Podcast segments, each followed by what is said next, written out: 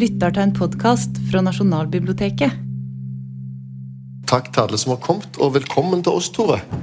Takk for det. Det er han som kan noe. Det er Tore Rem. Jeg og Erling skal prøve å vriste mest mulig kunnskap ut av Tore Rem i løpet av dagen. For ellers er vi jo her annet fordi du er fra byen der Kielland ble født. Ja. Mens jeg er fra byen der han døde. Ja, det, ja. Ja, det, og bare for å ta det med en gang, der Allerede der er det noen ting som må rettes. og Kielland hadde ikke alltid kontroll på hva han sa eller skrev. og det, Dessverre så kom han til å ytre seg mot slutten av livet at han likte Bergen bedre enn Stavanger. Eh, derfor valgte han alltid å legge seg inn på sykehus i Bergen når han var syk. Eh, om, den byen, om en by han velger for å være syk og dø i en by han liker godt, vil jeg stille spørsmålstegn med. Og Det er vel dette som i ettertid er blitt hetende realismens triumf, er det ikke det? Sannheten vil frem. Ja, det, ja, det vil han vel. Ok. Men det er jo ikke den vi skal snakke om. Den, den, der tapte jeg den diskusjonen allerede før vi hadde starta, så nå vil jeg gå. Eh, vi har funnet fram bilder, og vi tar utgangspunkt i foto. Eh, og det er jeg som har ønska det. Og grunnen til at jeg ønsker det, er at jeg har en påstand, og vi skal starte med det hos Tore. Påstanden er omtrent som følger. Når du har et århundreskifte, så peker ting i ulike retninger.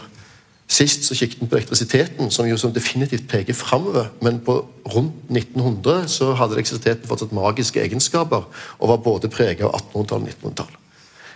Det vi skal se på nå, er forfatteren Alexander Kielland. Eh, Som forfatter så er han blant de forfatterne på slutten av det 19. århundre som peker aller mest fram. I den forstand at han er moderne, han er en samfunnskritiker. Han har eh, klasseperspektiv, eller klasseskildringer i litteraturen sin. Han skaper både opprør og oppstand, og han eh, er òg en markert eh, kvinnesaksforkjemper, i alle fall gjennom sin litteratur, om ikke sitt liv. Samtidig er det umulig å se et bilde av Kielland, i hvert fall for meg, og tenke 1900-tall eller modernitet. Kiellands framtoning, enten det er på en sokkel i Stavanger eller det er på bilder, som vi skal se her, er borgerlig. Eh, og den knytter seg ikke bare til borgerskap, men til 1800-tallets borgerskap i veldig stor grad. Sånn at jeg opplever et slags sprik da, mellom den kiellandske estetikken, det vi ser, det han lever som, og det han er i sin skrift. Og Da tok vi fram et bilde for å starte, Tore, som er her. Dette er vel et av de eldste fotografiene som finnes i norske samlinger. Det er ikke det eldste, men det er et svært gammelt fotografi. Det er kolorert, og det er familien Kielland vi ser. Og Da har vi Alexander. Ser dere pila? Det er nesen til Alexander, den unge Alexander Kielland vi ser der. Hva er, hva er dette, Tore? Er dette Ser ikke dette ut som skuespillerne i en Dickens-oppsetning? Jo, du kan så si. Det, det gjør for så vidt det. Nå ble dette ganske ferskt for meg. Jeg har jo sett det for lenge siden. Men øh, de er vel alle av samme klasse, da. Det vil jo være forskjellen. Har vi tjenerskapet med her? Ikke? Nei, jeg tror ikke det er ikke. tjenerskap. Så det er borgerskapet, det er handelsstanden i denne, tør jeg si, lille kystbyen. den bitte lille kystbyen på det tidspunktet. 20 000 mennesker omtrent er det i Stavanger. Men etter, Eh, etter på slutten av 70-tallet i hvert fall. Men Men dette er jo tidligere. en ganske stor by. 20 000, Etter tiden så er det det. er klart. Ja, okay. Det er klart, Men det er veldig uh, gjennomsiktige forhold. Eh, det er jo noe av det som eh, Disse rammene er jo noe han selvfølgelig nyter godt av. I stor grad, men det er også noe som legger et uh, trykk på han. Da, som han etter hvert, uh, i hvert fall en stund, føler behov for å komme seg unna. Det er jo uh, hans begynnelse på det nye livet, på kunstnerlivet. Men det er, så, det er så mye i det der bildet. Det er jo det er jo ikke bare han som er her. Så når du først vil snakke om eh, vekslingen mellom århundrer og, og kjellerne i spennet mellom 1800- og 1900-tallet, så er jo dette her et bilde som, eh, som åpner spennet selv mellom 1700- og 1800-tallet. sant? Du har gjort en liten jobb på forhånd med å finne ut hvem han er, den jeg lurer på om jeg også kan peke. Uh, Ser dere Gamle, han? gamle Han? ja. rivaliserende peking her. Han er født i 1788. Så han har da levd samtidig med den siste gjenlevende sønnen til Johan Sebastian Bach. Og han er på fotografi sammen med Kielland. Det er fint, da. Det måtte komme. Og dette er da eh, Jakob. Det, det er Jakob Etter all sannsynlighet det kommer, De kommer ikke med navneregister under dette bildet, men etter all sannsynlighet så er det Jakob Kielland. Det er Alexander Kiellands farfar. Eh, far til Jens Zetlitz Kielland. Bror til Jonas Skankekjelland, som på det tidspunktet driver familieforretningen. Han er død nå, men som har vært der. Og Hvis det er stemmer, det jeg tror det, så er det hans grein vi ser. For det er ingen på hans alder eller andre av hans del av familien. Og Hvis det stemmer, så er det også sånn at alle på dette bildet her er rentenister. Altså Det er ingen her som har arbeid. Eh, om arbeid mener jeg ikke å jobbe i fabrikken, men det er ingen her som driver forretning. Eh, de lever av sin oldefars forretning. Den gamle Gabriel Skanke Kielland, hvis jeg ikke tar feil, som grunnla forretningshuset. Det er en annen grein som har drevet businessen videre.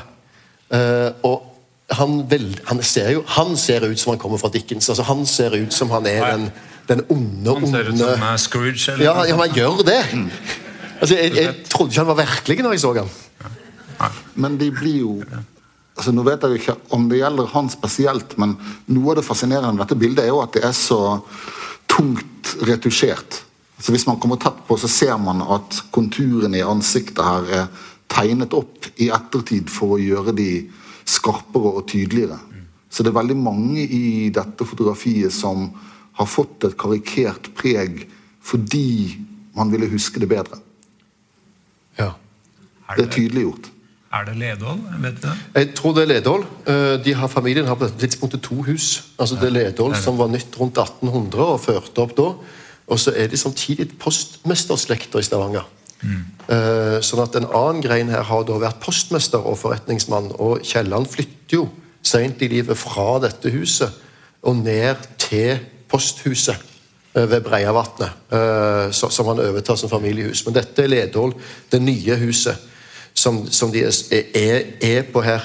Og Det som jeg sier med rentenister, synes jeg var interessant når jeg kikket på dette, fordi at Kiellands far var da en slags konsul, som er mer eller mindre honorær tittel. Han var en slags politiker, borgermester og den slags, eller hans, denne her Jakob har vært innom der, som også er honorært. Og så har han da vært billedkunstner. Så var, Det henger faktisk et bilde av Kiellands far, eller henger sikkert ikke, men det ligger antageligvis i kjelleren her på Nasjonalmuseet sitt eh, arkiv.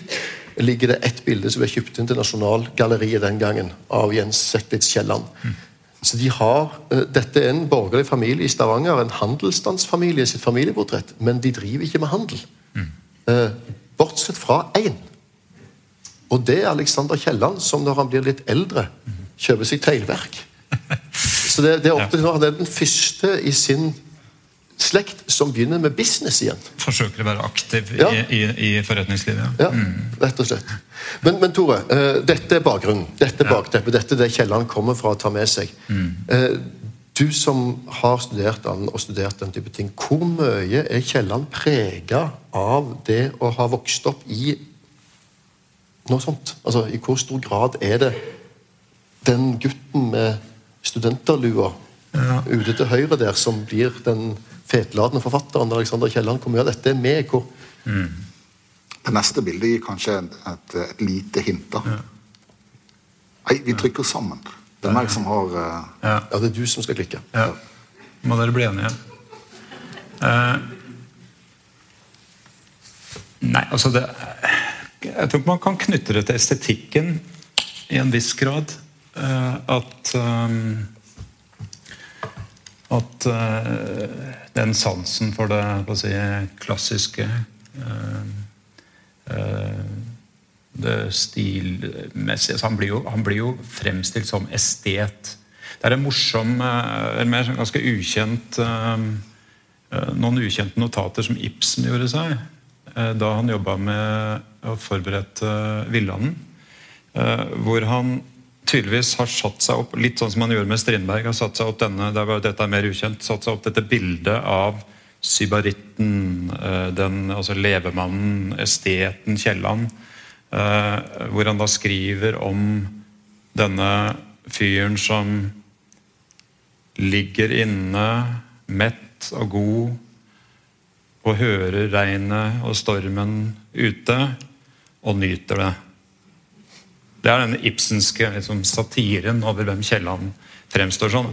Og det er jo, der, det, er jo det spennet da, mellom eh, det borgerlige, som man åpenbart har med seg og aldri kvitter seg med, eh, og det han står for idémessig. Eh, så at det sitter i Men altså, det er jo en klassisk topos for så vidt. Da, at borgerlige som vender seg mot borgerligheten. Det er jo, det er jo ikke noe nytt. Det det jo mange eksempler på. Men det er klart, han er kanskje Gjennom den liksom, byaristokratiske bakgrunnen så er det nesten som han topper det. da. Det er, liksom, det er ikke noe sånn gjennomsnittlig borgerskap. dette her. Men det kan utmyntes på altså Hvis man fabulerer på, på bildet her, da. Mm. Jeg vet ikke når dette bildet er tatt. Uh, men han er kanskje Hva skal vi si midt i 20-årene? Uh, nei, han er yngre, er han ikke det? Ja, tidlig 20-årene. Jeg tror, ja. Kanskje det. Ja, Vi kan ta den diskusjonen på bakrommet. Men, men sant, han, har, han, har, ikke slått han har ikke slått igjennom her. Sant? Nei, det er Eh, og han er en, en forfinet mann som eh, ganske snart nå vil gi han på den ene siden en, den, liksom den suffisansen og den sånn verdensmannsaktigheten eh, som utkrystalliserer seg ved, ved, mm, rundt nesevingene her. Mm. Og som, som, gjør det mulig for han å komme inn i, eh, i det litterære miljøet i København og presentere sitt verk og, og, være klar for store utfordringer. Men han er også en borger i den forstand at han er villig til å arbeide hardt og systematisk for å oppnå suksess. For det har jo vært noe av det som har interessert han sånt arbeidet som gjøres for Ja, i hvert fall uh, en uh, motsetning mellom at han, uh, tror jeg som ingen annen forfatter, nettopp pga. bakgrunnen, kommer inn i feltet, i det litterære feltet, og fremstår som moden. Mm. Altså Han bare tar plassen veldig suverent. Så han stiller opp, som du sier, hos Hegel, altså Fredrik Hegel, i, i Klareboderne, altså i Gyldendal i, i København, og bare stiller opp og sier du eh, Her er jeg. Eh, jeg har noe. Jeg kommer kanskje tilbake med fire-fem småstykker eller med en bok om en stund. Jeg vil bare du skal vite det. eh, så det er ingen, det er ikke et tegn på sosial usikkerhet. Det er ikke i det hele tatt. Da. men så er det klart at han Bak kulissene så er det klart det er riktig at han er, han er villig til å jobbe. Altså, en av de tingene jeg skriver om i den boka, det handler forstått ikke generelt om Kiellandsbiografien. Handler om hvordan han ble forfatter, og hvordan han agerte som forfatter. Da. Og da tar han det på et vis andre veien. Han kaller seg Aladdin. ikke sant? Han er den som lykken har smilt til og fått uh, appelsinen i turbanen. Uh, uten å måtte anstrenge seg. Men uh, samtidig så er han utrolig opptatt av at forfatterne skal ha bedre vilkår. Uh, og han står på, han skjeller ut forleggerne, og han klarer å skaffe bedre vilkår. Og noe av det er jo det at han er Han fremstår som forretningsmann da, mm. i forfatterverdenen. Mm. På, på, et vis det er vanskelig å finne egentlig eh, sånn tydelige paralleller til i det dansk-norske feltet. Ja. Så han er den som klarer å komme unna med færrest linjer på sida. Du fikk betalt per ark. Så han kommer ned til ark, store ark, men altså, han kommer ned til 25 linjer. Det er snittet. Dere kan jo telle i en vanlig bok. så skjønner at Det er noe flere, det er snittet han har. Men det fører også til en form for uh, klassisisme. Da, for det er noe rent, uh, elegant. Uh, men for han så handler det også primært, i hvert fall på veldig viktig vis, om pengene. Om det å kunne klare å leve som forfatter. Og På det tidspunkt så går jo dette, det går jo ganske dårlig med dette teglverket som han har kjøpt seg. Det går veldig dårlig. Han, eh, jeg har tilbrakt litt tid med å gjenlese denne boka her, som heter 'Agerhøns med champagne'. Bortsett fra at Kielland gir en instruksjon for hvordan man skal uttale champagne. Eh, det skal absolutt ikke sies champagne, det skal sies champagne. Eh, med en liten lyd, for å gjøre det korrekt. Det gjør de fremdeles i Stavanger, ikke sant? Jo, jo, selvsagt. Ja. Og der, eh, Det er jo en, egentlig en trist lesning, for det er jo en forfatter som ikke kan skrive lenger, og som er veldig klar over at han ikke kan skrive. Så det er på en måte temaet for selvbiografien er det å miste skrivinga. Eh, og det er jo bare en skisse til en biografi, men Han baserer det på almanakkene sine og kasseboka. Og Kasseboka er regnskapet han fører. og Der står det år for år er det mindre og mindre penger i kassen. Eh, Det går dårligere og dårligere, og han selger det omtrent samtidig som han blir forfatter eller får betalt for første gang. Eh, Og Han skriver da veldig tidlig her at på den ene sida så, så eh, er det da sånn at han flytter fra sin far. Eh, Jens Settel Kielland, som vi snakket om, kunstner.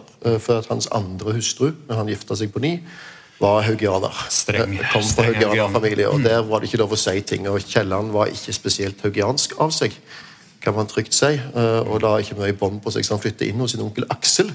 Og vet at faren er veldig sorgtung over det og tror at det er fordi at han er opposisjon til faren, men, mens Kielland bedyr at det var ikke det. Men samtidig så beskriver han her at han da drar eh, på sin første utenlandstur. Han må ha vært veldig målbevisst rundt dette. For at Før 1978, 1878 78. så har han aldri vært utenfor Norge.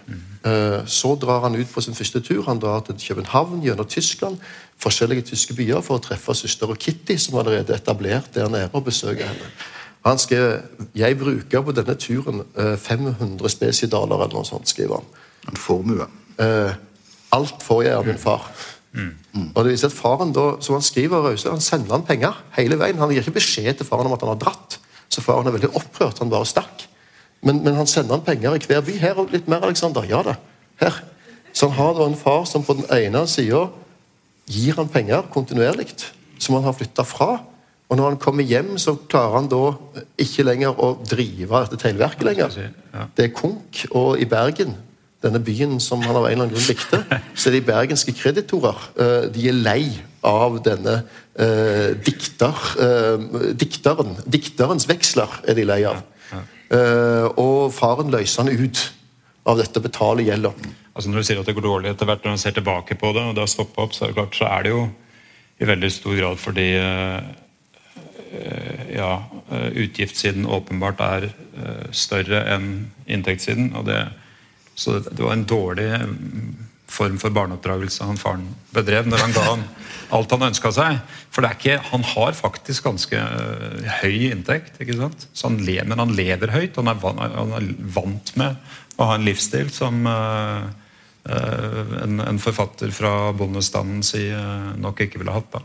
Så det Det henger sammen med det. Han har øh, høye opplag, og han har altså, et, etter forholdene en høy inntekt ganske lenge. Og Men han bruker for mye penger. Ja, og hans- Men det forretningsmessige ved hans, liksom, hans, hans væremåte forblir der selv om teglverket går dårlig. Sant? Fordi at, dette er et sitat som jeg har fra en, en av Norges beste biografer, som, som det litt gjerrig ble sagt i innledningen der. Eh, at han var, han var for mye forfatter blant teglverkseierne, og for mye teglverkseier blant forfatterne. Som er fint. Det, det stemmer nok, men det er, samtidig er det noe når du leser Kielland sine For det fins i, altså i bøkene hans, i romanen, litteraturen, så er det utvilsomt element av skam. Altså eh, Skam over fallet, skam over sløseriet, skam over undertrykkingen og alt dette som er rundt, som, som ligger som undertone. I hans egne notater og brev og, og, og ting så er det ingen, er totalt skamløst rundt sitt eget forbruk og sin forventning. Dette, det, sånn er det. Dette, det, dette det må ha. Det går dårlig, men dette er det sånn vi må ha det. Så det vi bruker for mye penger med. Men sånn er det hos oss. Eh, Nei, det er riktig det, men han har noen øyeblikk hvor han eh, er litt mer selvransakende. Når han skal prøve, i hvert fall litt senere, da, ut på jeg kanskje sent 1880-tall. Hvor han, skal prøve, hvor han prøver å grunne over liksom, hva, er det som, hva var det som var min drivkraft. ikke sant? Hva er det som, eh, og så skriver han jo fin morsomt om uh, raseriet. Mitt store patent, kaller han det. Eh, men så skriver han også om den onde samvittighet. Så det, er, Det det, ligger nok under altså, den skamfølelsen som da hefter ved borgerskapet, da, eller den undertrykte, mer eller mindre undertrykte eh, skamfølelsen, den, den er nok der også. Mm. Bare for å avslutte forretningslivet før vi går videre så skal det han har han med, men det skal dog sies at han har også uhell med konjunkturen. I 1878-1879 så er det ikke avsetning for teil i det hele tatt. Så det, det, det selges ingenting. Når det gjøres opp, så er det formannen som får ca. halvparten. Eh, altså arbeidsformannen. Eh, og så er det to investorer, venner av han, som kjøper presten. De blir lei av sutringa til han formannen og, og selger seg ut, og han formannen overtar alt. Og Kielland noterer sjøl at formannen i 1894-95 dør som en velstående mann. Eh, og har tjent gode penger på dette teglverket. Det kan jo være at han hadde et litt mindre utgiftsbudsjett enn Kielland. jeg tror det er en teori som er plausibel. Ja, Men jeg tenkte men på, jeg tenkte på det der, denne fyren som dukker opp i Paris. Kan gi en bitte lite tekst, bare et bilde av han? Ja. Absolutt. Fordi eh, han kom, da reiser, og så blir han jo da i samme året så blir han jo da en stund i Paris. og Det er da han virkelig satser på litteraturen. Prøver å se om han klarer å skrive det som blir noen novelletter. da. Men dette er bildet som Bjørnson har, for Bjørnson er i Paris samtidig. Og nesten 20 år etter så skriver han som følger om det møtet. Og det sier jo ganske mye om denne skikkelsen vi forsøker å, her. Eh, Det er rett og slett i speilsalen i Versailles at de møtes. Jeg hadde gjort et slag gjennom den store speilsal sammen med den norske kjempe, maleren Fritz Taulov, da jeg fikk øye på en ung mann enn merkeligere enn Taulov.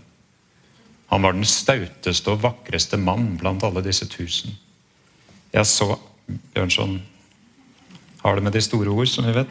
Eh, eh, Jeg så ham jo også i forstørrelse av stedet, prakten, musikken. Han tok seg ut som en åpenbaring fra et større og kraftigere folk.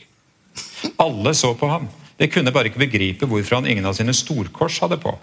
Tian var da minst en kongelig prins fra et fjernt sneland, hvis slekter ennå hadde rase. Og jeg nekter ikke at jeg ble stolt da han kom over til meg og talte norsk. Det var Alexander Kielland. Denne gudenes yndling, der trådte fullt ferdig her kommer det, fullt ferdig inn i litteraturen med nytt emne, ny stil, og med glans over det, som av sin egen person i Versailles spisesal.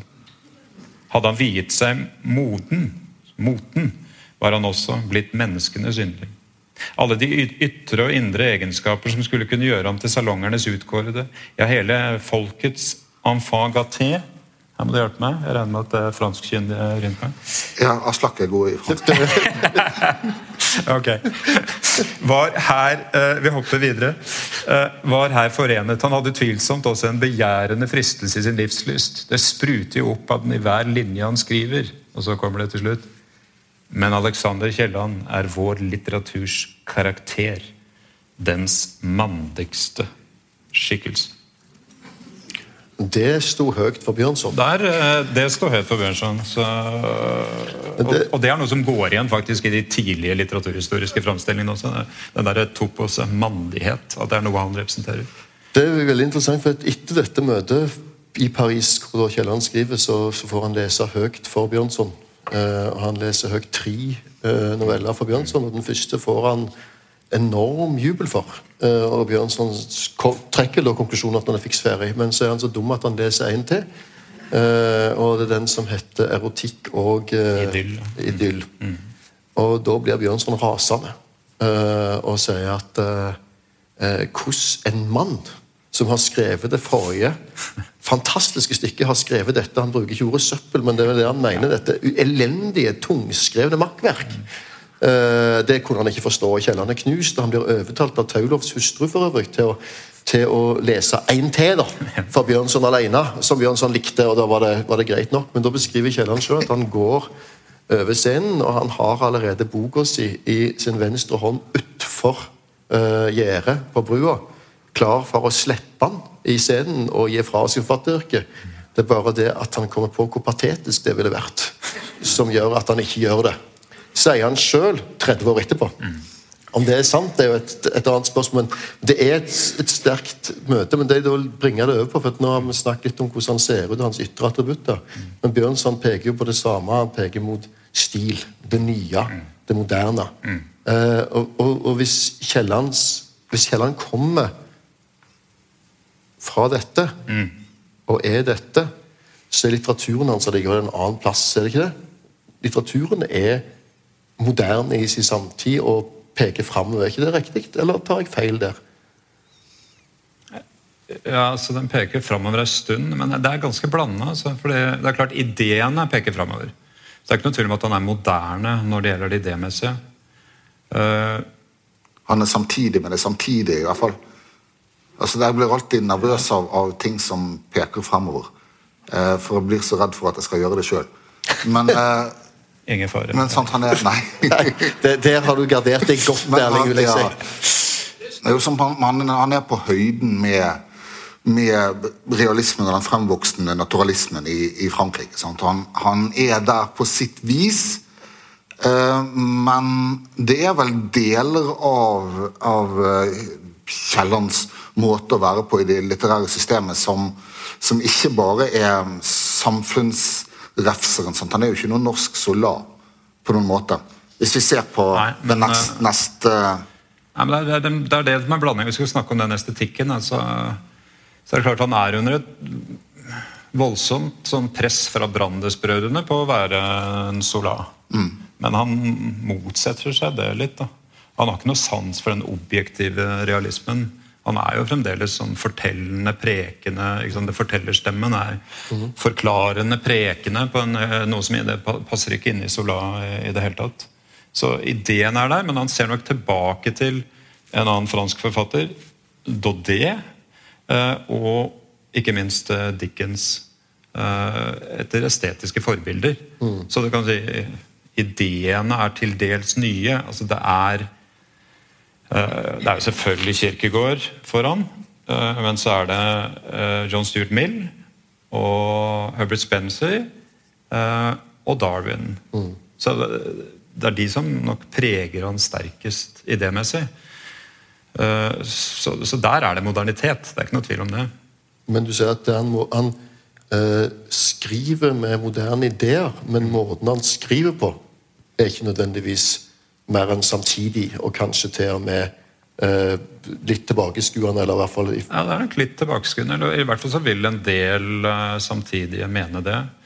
Eh, sånn som Brandes-brødrene ville jo på det tidspunkt ikke ha noe sans for Dickens. Han ville fremdeles være populær i, i eh, den bredere kulturen og blant mer konservative lesere. Men, men uh, han ville jo ikke være noe toneangivende. altså Dickens døde i 1870. Uh, så han var ikke noe toneangivende da. Men, hans, men den derre tidens eh, Altså Kiellands store tid er jo likevel ganske kort. Sant? Det, det er eh, 1878 til 85, Ja, kanskje. Det veldig jo, men da, kort, da han skriver men, men, eh, men hans måte å fortelle på blir jo utsatt for hard kritikk. Og jeg sier dette, for da vil jo gjerne Mm, komme med, med Hamsuns Da er du i 18 da er du 1890. 1890. Eh, Knut Hamsuns foredrag om norsk litteratur, skrevet 1890, holdt 1891, eh, der han sier at eh, der er konfirmasjon og ting, begravelser og baller, bønnemøter, selvmord og sildetrafikk i stor mangfoldighet. Man hører overalt det travle hurra i tingene. Det er forferdelig, altså. En handlingens diktning som sådan behøver ikke at sysle med mer sjel enn hva det fordres til at endossere et lån eller seile hjem fra Rio.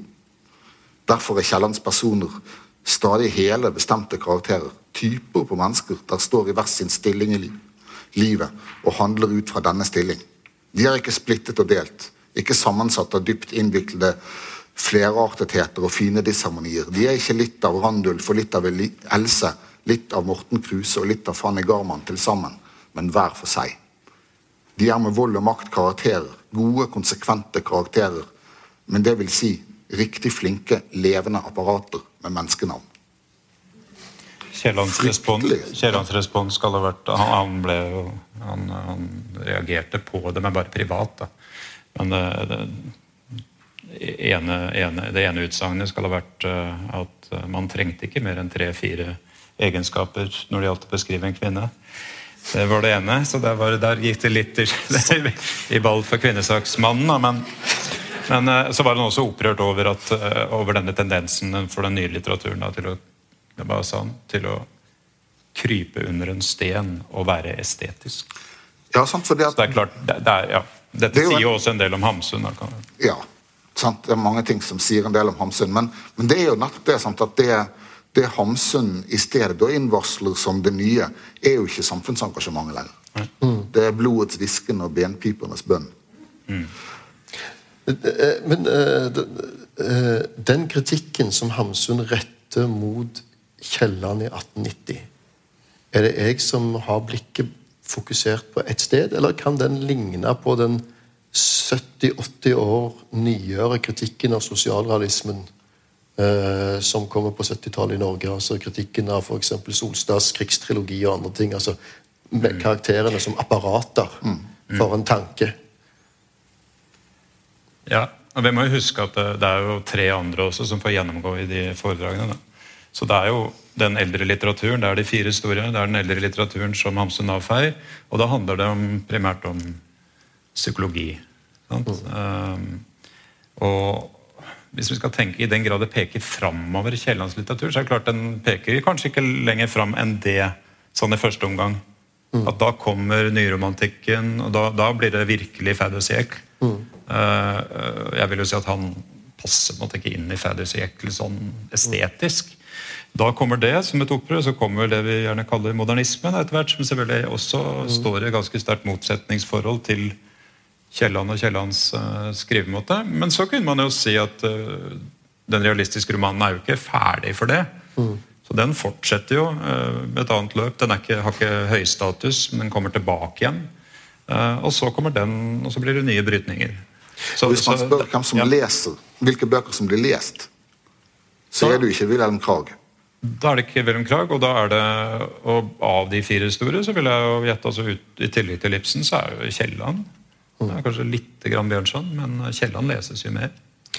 Men for, Det var noen navn som dukket opp her nå, som jeg gjerne vil spørre dere om. Det ene av første det er Brandes, eh, som du nevner. Eh, og Brandes er jo ikke én, Brandes er jo tre, så vidt jeg har fått med meg. Det er Georg, Edvard og Ernst. Eh, Ernst Samuel er? Ernst er vel kanskje den litt mer parentesen. mindre, mindre viktige mindre Brandes. viktig i Men- litteraturhistorien. Men, Ja. men Georg Brandes er jo uh, på en måte symbolet på den nye litteraturen og det som skjer osv. Og, så og han så Kielland som en spydspiss, stemmer ikke det?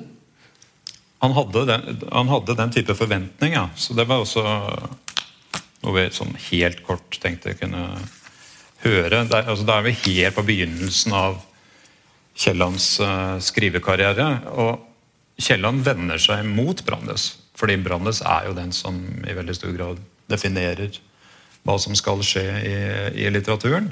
Eh, eh, og så ber han selvfølgelig om en lesning. Da, av, så dette er jo en respons på hans første bok, 'Novelletterne'.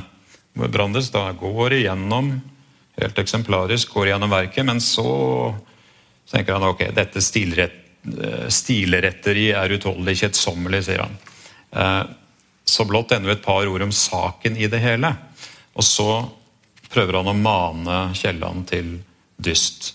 Og Da sier han blant annet De har et stort fortrinn for deres berømteste menn, Bjørnson og Ibsen. De tør si mer, gripe dypere, mer ubarmhjertig. De tilhører en yngre slekt, er ikke bleven dykket så dypt ned i søtmelksidealismen og brekkvannsromantikken, skjønt de muligens i deres tidligere ungdom har måttet drikke mang en snaps derav. Nu, vis at en annen slekt er kommen. De to gamle arbeider seg nå møysomt løs. Vis at de har et forspring. De gamle kunne ei skrive en norsk roman. Skriv de igjen, eller en større novelle. Det kan de eldre heller ikke. Kort sagt, feltet er åpent for dem. Og så spør han nysgjerrig Fortell meg nå litt om dem, hvor gamle de er, om de er gift. Jeg antar, at, jeg antar det er deres bok. Hva deres daglige beskjeftigelse er, osv. Så, videre. så da har en eller annen forestilling om forfatterskikkelsen som kommer gjennom disse novellettene, gjort uh, Brandes nysgjerrig. Men dette er, dette er Sånn Brandes fremstiller for han, så ligger feltet åpent. Han har alle muligheter. Og det er klart, En annen ting som, der han står ved noe i nærheten av begynnelsen på noe, er jo også når det gjelder romanen i norsk-skandinavisk sammenheng. Da. Altså romanen som sjanger. Det er veldig få forelegg. Hvis du tenker på Camilla Collett, men øh, kanskje Merit Hansen, hvis vi tøyer det veldig. Så det er veldig få forelegg for denne sjangeren, og den er han da åpenbart med på å konstituere, på å skape i, i skandinavisk sammenheng. Så det er jo begynnelsen på noe, der, hvis vi skal tenke fram og Og, tilbake. og um, romanforfatteren Ja. som offentlig figur. Mens du skifter bilde, bare for å spørre deg noe om det, Tore. ved at eh, eh, Han svarer jo Brandes med å skrive romaner. Altså Han svarer også her på et brev, som jeg tar etterpå, men han skriver jo romaner. Som, som, er inne på han, som, som du sier, han skaper romaner. Norske romaner. Oi, oi, oi, oi. oi. Uff. Nei, det er godt å Katastrofe. Vi Nei, er ikke- 1800-tallsmennesker Det får ikke se skulle sånn. nok ikke tatt ansvar. Nei, det var til Nasjonalbiblioteket. Ja. Sånn. Men eh, eh, Og han skriver eh, bl.a. 'Garman og Vorse', som er en slags sånn gjennombruddsroman. Jeg husker når jeg leste 'Garman og Vorse' for 30 år siden. Så var det så vidt jeg orkte, for den er så melodramatiske. Og det er så mye sånn eh, dickensk melodrama som gjør vondt i hjertet å lese. og Jeg klarte ikke å komme forbi det. Så det var en av de romanene jeg likte dårligst av Kielland.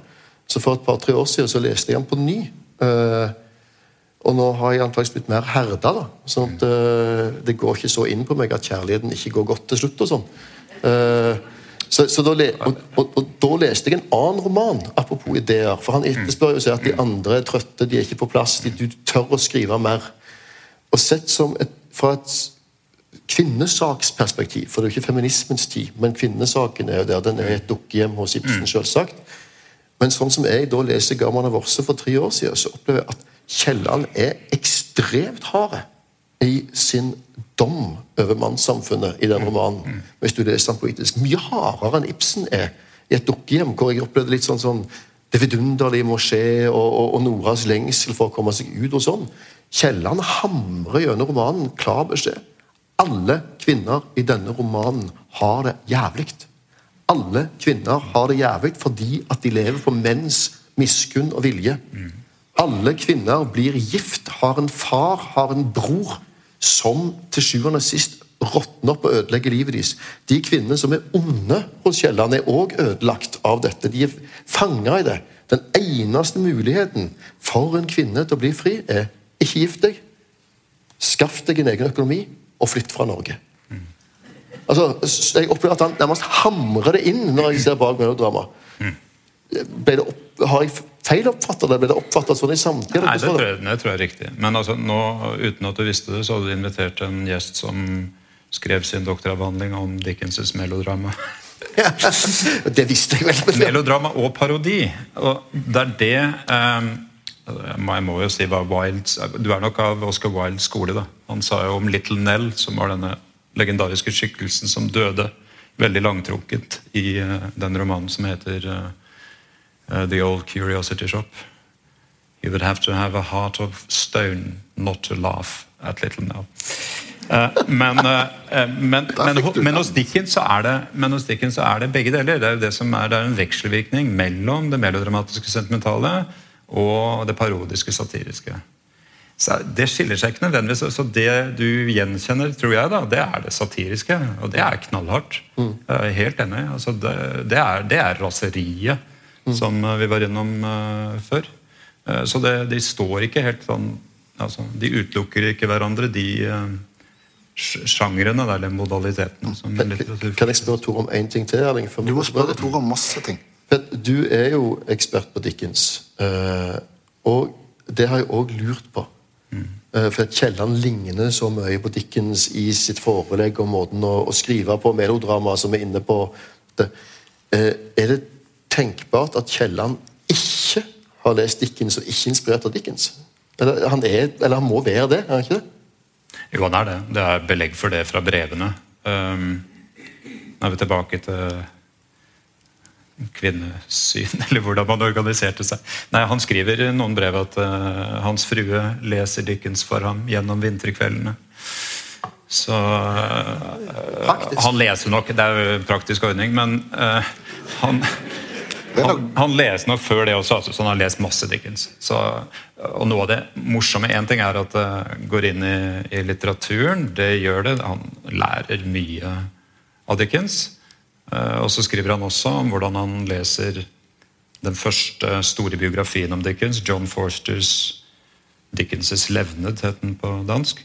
eh, som kom, ja, som kom i, rett etter Dickens' død. og som han, Der får han også ideer. Og det går på det mer kommersielle, som det å holde opplesninger og sånne type ting. som vi kanskje kommer bort, kommer borti så vidt etterpå. Men, men noe av det jeg syns er morsomst, det er kanskje at han til og med ser seg selv som Dickens-skikkelse. Da er vi tilbake til det visuelle. Så, eh, så det fins brev Jeg gikk gjennom det der for lenge, lenge siden. Det fins brev hvor han først Kanskje det, det, bildet vi så nå, neste unge Hvor han ser seg selv som Steforth i David Copperfield. Som er den liksom, forføreren, overklassegutten, arrogante fyren som forfører ei jente og som faktisk drukner, som går ned. Eh, men som David blir veldig fascinert av. Så Det er liksom ene han har av seg selv. Sånn var jeg som ungdom. Og så, når han kommer inn i sånn utover på 1880-tallet får disse økonomiske problemene, så assosierer han seg med en annen uh, skikkelse fra David Copperfield. Micawber. Da undertegner han brev. Uh, deres uforbederlige A.L. Micober Esquire. Og Micober er jo denne fyren som overhodet ikke klarer å holde orden på økonomien, men som alltid tenker positivt og tenker at 'something must turn up'. Det er en av de faste frasene til Micawber. 'Something must turn up'. Og så går han fra den dypeste fortvilelse til enorm optimisme fra dag, den ene dagen til den andre. Så der, Og så ender han opp utrolig bittert i, når vi kommer så langt som til Molde, amtmannstida så beskriver han seg selv som Pecksniff. og Det er altså en skikkelse fra Martin Chuzzlewit, for de som ikke kjenner dette universet. Og Pecksniff er engelsk litteraturs Tartiff. Han er hykleren. Og han er en veldig grådig, pengegrisk hykler. Og det er Så leser han, så forteller han, så rapporterer han Jeg husker ikke om det er til broren eller nei. Så rapporterer han, og så sier han, og det er usigelig trist, må jeg si, det er jeg som er Pecksniff. Og da er han på slutten av livet. Så det er en sånn Du kan lese biografien hans via Dickens-skikkelser som han også ser seg med. Så en av forskjellene mellom uh, Kielland og Ibsen er at Kielland holder dommedag over seg sjøl. Uh, eh, Nå, Alex. Dette, her, Nå, dette er din stund. Ja. den var kort, men god. Uh, men sant, nå er vi, hvis vi da går tilbake til den, eh, den, helt konkrete og saklige og teglsteinsverkaktige delen av historien her, så er dette et brev fra 9. Ja. mai 1879 som Kielland skriver til sin forlegger Hegel.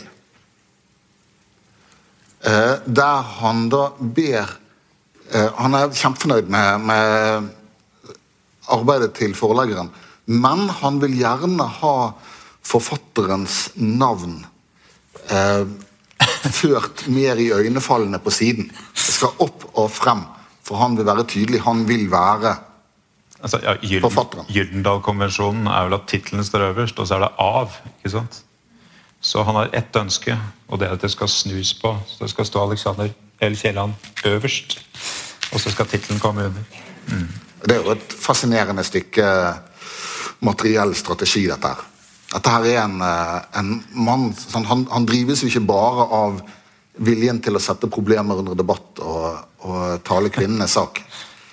Han er en teglsteinsverkeier også. Ja. ja, det var jo dette jeg skrev den boka om, egentlig. Men det er morsomt at det brevet fins her, og, at, uh, og det er så inconspicuous. Det er liksom bare, det er bare et av de aller første brevene han sender, sender til sin forlegger. Da. Det var bare en liten ting han gjerne skulle hatt forandret. Og det er det. Så det sier, det sier, noe om den selvbevisstheten som han har med seg. Mm. Uh, igjen er det vanskelig å tenke seg at det var så mange andre forfattere som gikk til Hegel og sa du, jeg vil ha navnet mitt øverst. Det er, altså, apropos det min, mitt oppheng på modernitet, så er i hvert fall dette om ikke noe annet veldig moderne i tråd med forfatterrollen sånn som man er i vår samtid, og som man var på, på 90-tallet og i forfatteren som, som offentlig iscenesatt person osv. Sikkert vært, tydeligvis vært der hele veien, men det er en uh, veldig tydelig, bevisst strategi. Men, ja, da fikk jeg nesten Ja, for det, det passer godt. Uh, for da uh, Altså, han er jo Vi har jo ikke sagt det ennå, men han er jo helt åpenbart en av norsk litteraturs beste, mest underholdende brevskrivere. Da. Og, og der er vi også noe med at det, det er en ny forfatterfunksjon, som det heter på fint. Men det er en ny forfatterrolle som vokser fram i den tida her. Og eh, et resultat av det er at du har en forfatter som Kielland som faktisk ganske tidlig begynner å tenke på at han kan jo publisere sine egne brev. Så han eh, på et tidspunkt så ber han om at han får sendt tilbake brevet han har skrevet. Eh, så hvor da et utvalg som kommer ut. Eh, så det er nå én ting. Men, men dette er det er også det med iscenesettelse. Og Der han, har han lært noe av Dickens. og det, Nå kommer for så vidt noe jeg foregrep bitte lite grann, men, men her, dette skriver han da mens han, han har skrevet novelletter, og han er i ferd med Han jobber med Garman og Vorse, som blir hans uh, gjennombrud. Altså hans første roman. da. Og så skriver han til Edvard Brandes. Han skriver både til Edvard og Georg. Men, men, men. Jeg har noen store planer som jeg nå vil skrifte for dem. Selv om Gyldendal byr meg dobbelt så stor betaling som sist per ark, 40 kroner. Og selv om jeg får 30 ark, så er det allikevel ikke nok for det år som er gått siden novelletterne. Jeg må ha penger. Mange penger. Etter hvert som jeg blir ferdig, vil jeg sende kapittel for kapittel til dem, og de skal avgjøre om det er verdt å oversette boken. Vil de? Jeg har nemlig den tro at eh, både i Sverige og i Tyskland kunne man tjene penger på en god roman. Hæ? Enn videre tenkte jeg på å forelese boken oppe i Bergen! Mens den var under trykning. Hva? Vet De hvor jeg har alt dette fra? Fra Forsters Dickens' levnet, som min kone leser for meg om aftenen. Den også. Nå må de ikke le av meg. Å jo, det må de gjerne. Bare svar, svar, svar, svar. svar. Deres Alexander LK. Så Der er han på vei inn i denne ganske nye forfatterrollen. da. Uh, og, og, da blir det til at han Jeg, jeg syns det var interessant en sånn lesningshistorisk. fordi uh, det er åpenbart at han har opplesning i tankene mens han skriver. Så han sitter antageligvis og leser høyt for seg sjøl. Og det, jeg må påstå at det, man kan avlese at det er noe som preger stilen i romanen. Så, så gjør han det, og så blir det sånn passe vellykka, det skal sies. Men, uh, men, i hvert fall så er det, det viser noe om hans vilje til å tenke nytt Mm. til å prøve ut ulike strategier. Vi har jo en ting til da på, på Nasjonalbiblioteket som er det neste bildet, og som det er veldig morsomt at vi har som eksempel på viljen til å tenke nytt. Dette er da eh, tittelbladet på manuskriptet til Garman og Vorse, et skuespill mm. av Edvard Brandes og Alexander Kielland. Dette er jo før han kan lage en, en filmversjon. Ja. Så han lager en teaterversjon mm. for å nå nye grupper. Ja, Det skal sies at uh, Nasjonalbiblioteket har vel også uh, manuskriptet til romanen. ikke sant? Så, jo, jo. så, dette er det, jo, jo. Men dette er mer spesielt eller uh, morsomt igjen fordi det peker mot hans forfatterpraksis. da. Så på et tidspunkt så får han bare den ideen at går det ikke an å lage skuespill av dette her? Og så blir det sånn at Edvard Brandes setter seg ned og skriver igjennom eh, ut fra romanen, og så går eh, Kielland igjennom og pusser på det og renskriver det. Og så får de det opp på eh, Det Kongelige i København, og der går det faktisk ganske brukbart. På det er 15 oppføringer eller sånt, i løpet av den første sesongen. Og så kommer det opp, også opp på Christiania Teater, men der går det dårlig. Det spilles tre ganger. Men der slaktes det fordi det si, den uh, usedeligheten som uh, er mer skjult i romanen, da løftes frem i lyset mm. i skuespillet. Sånn er det når man skal nå nye lesergrupper eller publikumsgrupper. Man må, man må ta sjanser. Man, man, man må ta sjanser. Men der, der, fører det også til en sånn altså, Kielland distanserer seg litt fra Brandes. da Brandes er mer vågal om mer av en libertiner også, i, i, og, og, mer vågal det gjelder litteraturen. så tror jeg Kielland skriver til Bjørnson tror jeg etterpå at de skulle bare visst hvor, mye det, hvor meget det kostet meg liksom, å samarbeide. Så da, da, Han legger skylda over på Brandes. da. Altså, når du kjenner historien til de andre forsøkene til Kielland på å skrive dramatikk, så syns jeg det er veldig søkt å skylde på Brandes. strengt tatt. Det, det, gikk ikke veldig bra. Nei, det gikk ikke veldig bra. Uh, Men det er jo òg en sånn uh, Så du snakker om strategier og, og, og framvisninger. Altså, han vil jo òg bli avisredaktør. Det er jo òg noe som man Jeg har ikke tenkt på dette før, men det er jo òg noe som man oppsøker Uh, litt som en sånn idé utenfra. Så man sier at det, det, ja, folk har jo avis, det vil være bra. Hvis jeg fikk avis, så ville det vært veldig bra. En svøpe for byen, osv. Uh, Og jeg tror jeg skulle tjene, sier han etter det. Er jo berømt. En svøpe for byen og en fornøyelse for landet. ja. Og så står det neste setningen, som ikke er så kjent, der, og jeg tror jeg skulle tjene.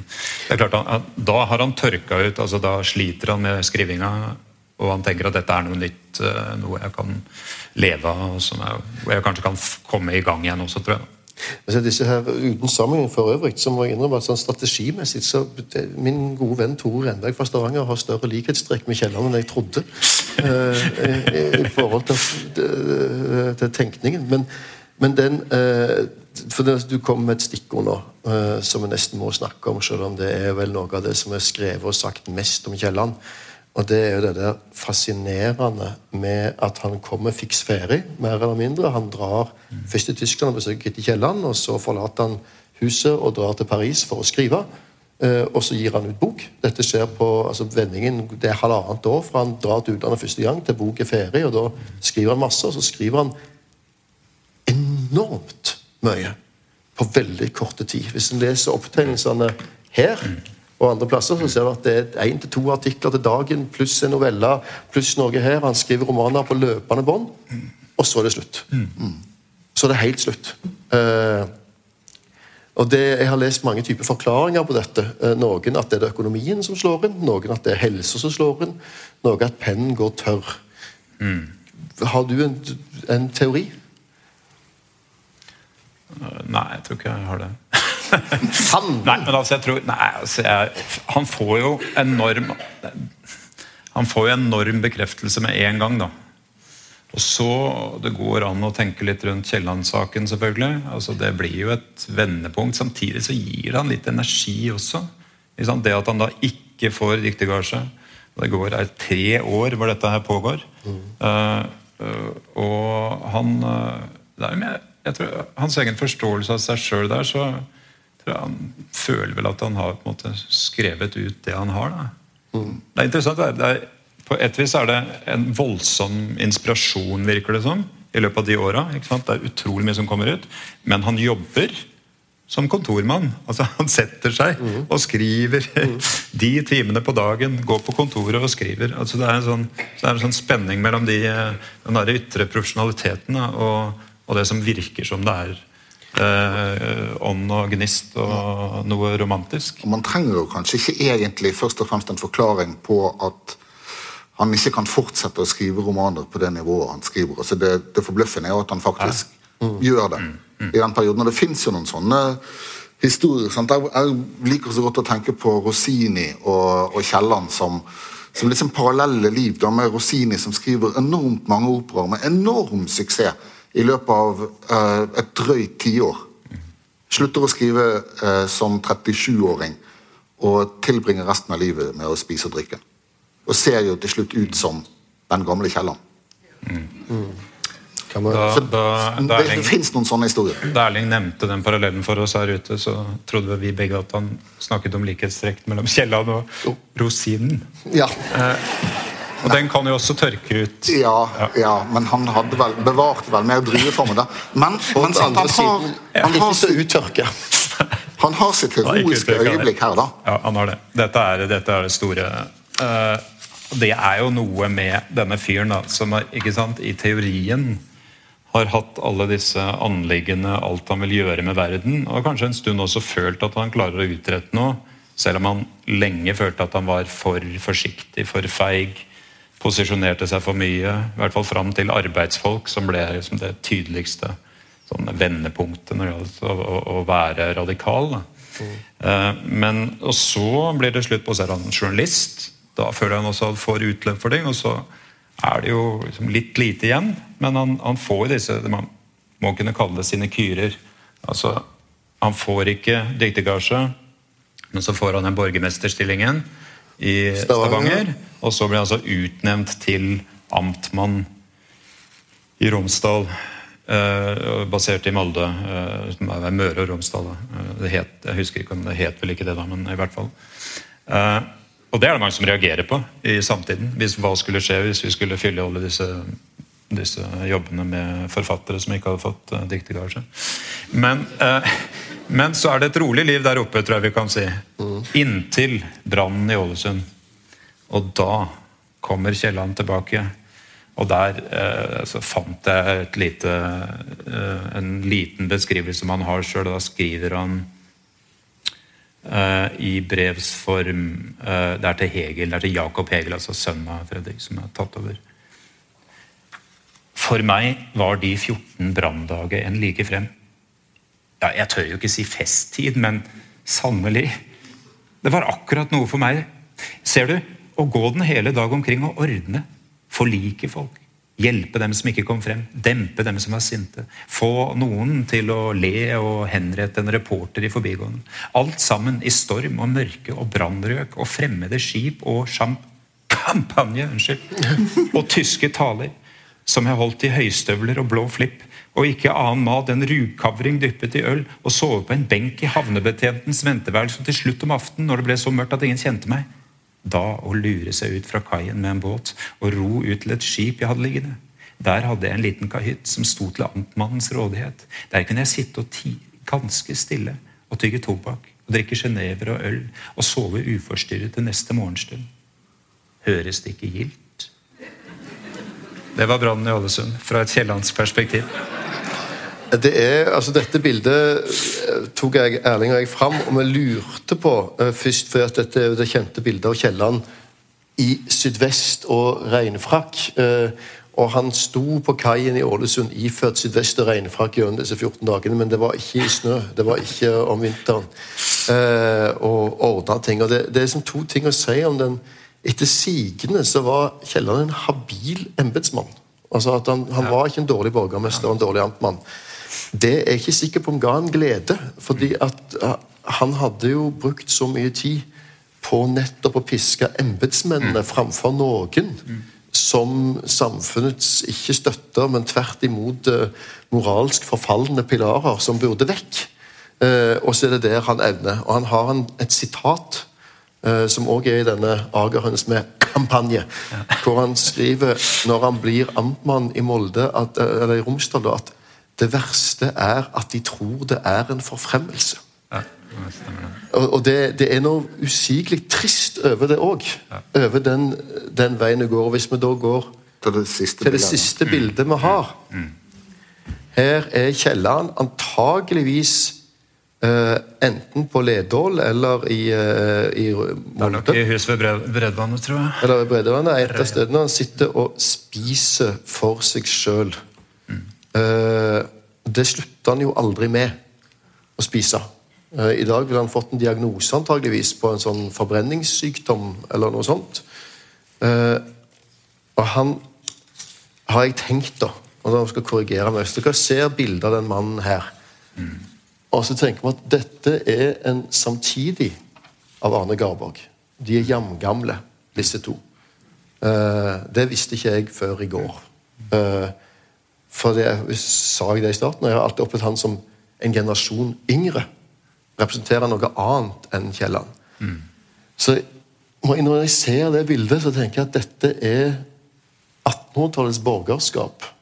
Eh, ved slutten av sitt liv, i sine salonger, i sin stil, som han holdt gjennom. Men kom du til 1920, så kunne du ikke sitte sånn og være borger. Tida ville ha endra seg, borgerskap ville ha endra seg, handelshuset var falt. De lange slekter i Stavanger i alle fall hadde mista sine penger, og, og alt var endra. Mens Garborg satt på Knudaheia eh, og så utover Jæren i de samme type klær som han hadde, hadde på seg når han gikk inn til, eh, til Kristiania første gangen. Og så ut litt, Han så løyen ut, men han så ut som en bonde og var en del av tida fortsatt. på et eller annet vis. Dette kunne jo vært eh, et fotografi av Ibsen. Sant? Han ville hatt mindre på bordet. Men, men innredningen og typen av leilighet er i en helt annen grad. Ibsen. Sant? Så, så dette her triste bildet av, av Kielland viser jo da hvordan han begynte med å være Garborg samtidige, men endte med å bli Ibsen samtidige? Nå- Var ikke det veldig godt sagt? Det tror jeg. Og men de dør jo også samtidig.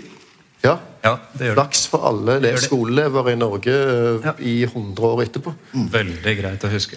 Men Kan jeg spørre dere om en siste ting? For tida vår uh, renner ut. Men det var én ting som slo meg når jeg leste den igjen. Dette, denne boka, dette, denne skissen til en sjølbiografi. Den eh, fikk Kielland-biografene på Og de som skrev om Kielland, Kjøl Vegeland og alle de andre, i, eh, på, i, fram til 1983, de hadde ikke tilgang på dette.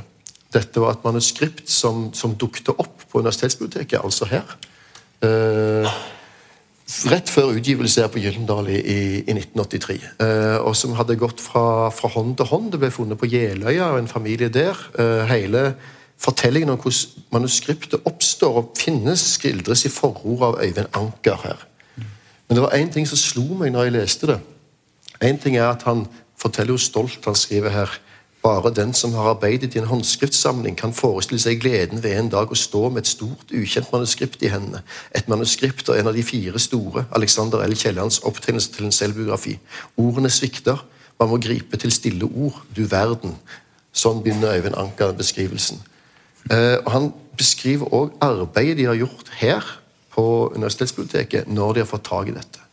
Og Han skriver stolt at de har nedtegna alle navn med et register over alle navn som nevnes, og alle steder som nevnes. Eh, Sånn at det er lagd en bibliografisk register over alle steder og navn, og det er et veldig kort manuskript, til den framtidige forskninga.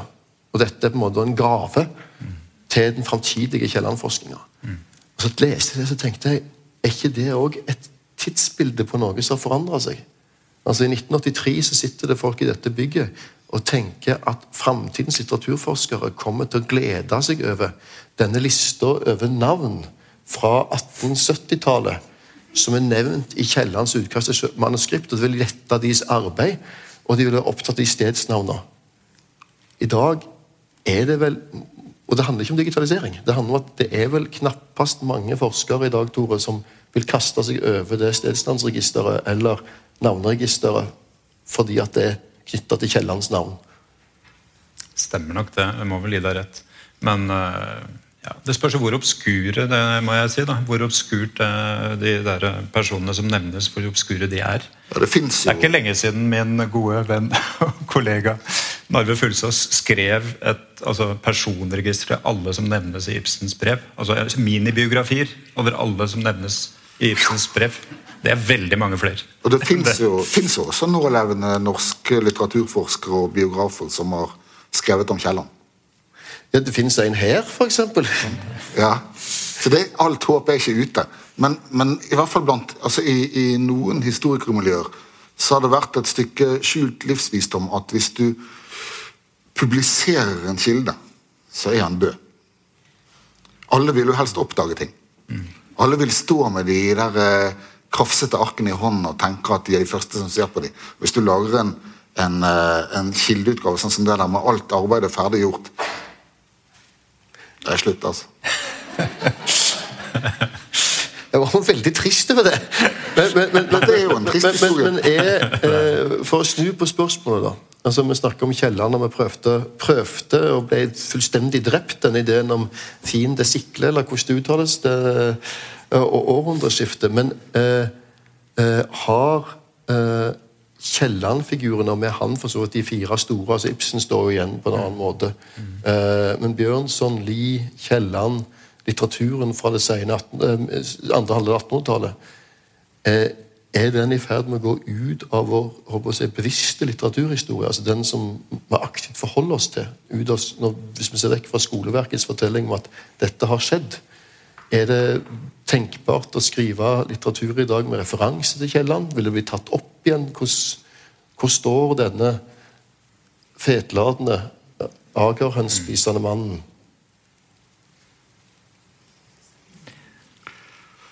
Jeg tror, han, må, han ble jo stående som et historisk sånn stilideal også. Da. Det tror jeg. Så jeg tror, men det, det er på nokså Jeg tror du må abstrahere litt hvis du som eh, forfatter i dag skal gå inn og bli inspirert av, av Kielland. Det tror jeg. Ja, sant, det, eh, jeg har vært eh, sånn fascinert av hans sånn potensial som inspirasjon for historieskriving. Dette her fører et annet sted hen, men Knut Mykland i, i sin bok om Trondheim bys historie bruker grep fra Kiellands litteratur for å skrive en bok om eh, storborgerskapets fall og arbeiderklassens fremvekst i Trondheim på eh, Kiellands tid. Men boken til Mykland er jo allerede 60 år gammel. Eh, men de der arketypiske situasjonene og spenningen i tekstene mellom de du holder med og de du har sympati for, som, som Kielland kan skrive sammen i, i litteratur om sosiale klasser eh, Det er jo opplagt et eller annet sånn fruktbart i det, men inspirasjonen er nok ikke lenger direkte der heller, altså. Den er ikke det. Nå er det, det er noen få munnhell og og mens jeg rotunder sa lille Marius er døde, er jo et snart utdødd sitat. Selv det. Selv det. Men han lever jo videre gjennom andre bearbeidinger også. Eller han, han, han hadde jo også en uh, impact, heter det nå på universitetet. Uh, I sin tid, så hvis du da tenker som vi var innom, altså, Thomas Mann og Boddenbrock, huset Buddenbrooks og sånn, Hvis du tenker at Kielland er en del av det som går inn i senere verker også, så, så er det klart uh, han, uh, det er, han lever, lever på mange vis. da. Omtrent når den boka kom ut, så husker jeg at jeg satt Da må jeg ha vært ti, da. eh, Og satt og så på tirsdagen, for da var det fjernsynsteater. eh, Lasse Kolstad som slipper Vorse. Mm. Sammen med søstera mi, som var åtte, og, og hele det norske folk, mer eller mindre. Og jeg syns det var dritspennende da. Men er det òg forbi? Kan man se for seg at de elementene av drama, melodrama, eh, samfunnskritikk, satire eller utbrettingen av en helt by kan bli fjernsynsserie eller film, eller er det, som Hamsun påpeker, for fattig til å skape liv i karakterene? Ja, det kan vel hende at du blir den siste nasjonalbibliotekaren som liksom ble drevet til gjerningen av å, av å se Kielland. Du aner ikke hvor drevet hjernen jeg ble av det. Ikke. Men var det ikke stor teateroppsetning på Rogaland og sånn for uh, Har det ikke vært det?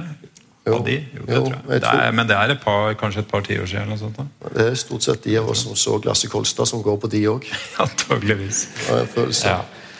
Jo, men hvem vet? altså det- Hellemyrsfolket har nettopp vært stort i, i Bergen som teaterforestilling. Tiden kan komme tilbake til Kielland. Vi kan være med på det. Godt. ja, det kan være med. Da slutter vi der. Vår tid er ute. Tusen takk for dere som kom. Tusen takk til Tore. Tusen takk alle.